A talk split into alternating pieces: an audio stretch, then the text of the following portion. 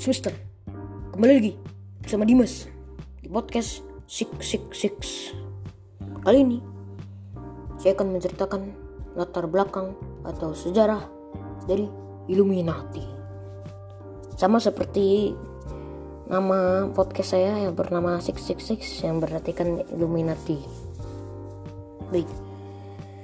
Sekarang saya akan menceritakan Illuminati itu apa sebenarnya itu apa. Illuminati adalah nama yang diberikan kepada beberapa kelompok baik yang nyata maupun fiktif. Secara historis nama ini merujuk pada Illuminati Bavaria sebuah kelompok rahasia pada zaman pencerahan yang didirikan pada tanggal 1 Mei tahun 1776 sejak diterbitkan karya fiksi ilmiah postmodern berjudul Illuminatus Trilogy karya Robert Shee dan Robert Anton Wilson nama Illuminati menjadi banyak digunakan untuk menunjukkan organisasi persekongkolan yang dipercaya mendalangi dan mengendalikan mengendalikan berbagai peristiwa di dunia melalui pemerintah dan kooperasi untuk mendirikan tatanan dunia baru. Dalam konteks ini, Illuminati biasanya digambarkan sebagai versi modern atau ber, keberlanjutan dari Illuminati Bavaria. Sejarahnya, gerakan ini didirikan pada tanggal 1 Mei tadi udah dijelaskan dengan nama Ordo Illuminati dengan anggota awaknya sebanyak lima orang dan dipelopori oleh Adam Weishaupt.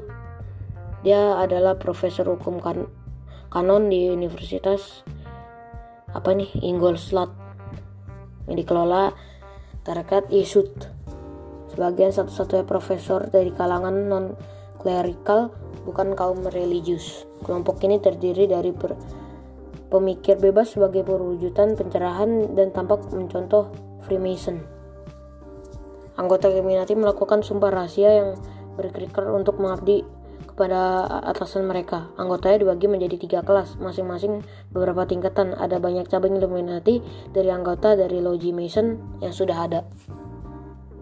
Pada awalnya, Weishaupt berencana uh, bahwa kelompok ini dinamai uh, Perfect Abilities. Kelompok itu juga di, disebut Illuminati Bavaria yang ideologinya disebut Illuminisme.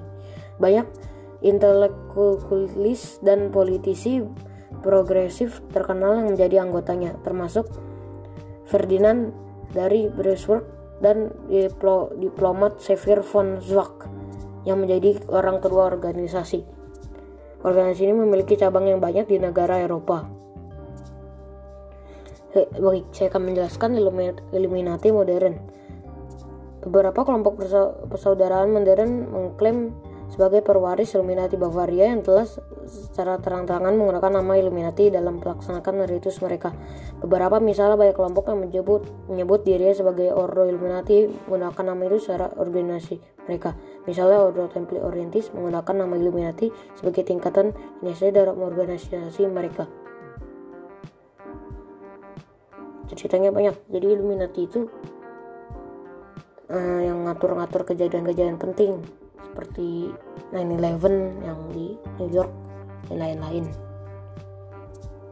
Ya gitulah latar belakang dari Illuminati. Sekian dari podcast hari ini. Semoga anda suka. Dan stay safe. Mantap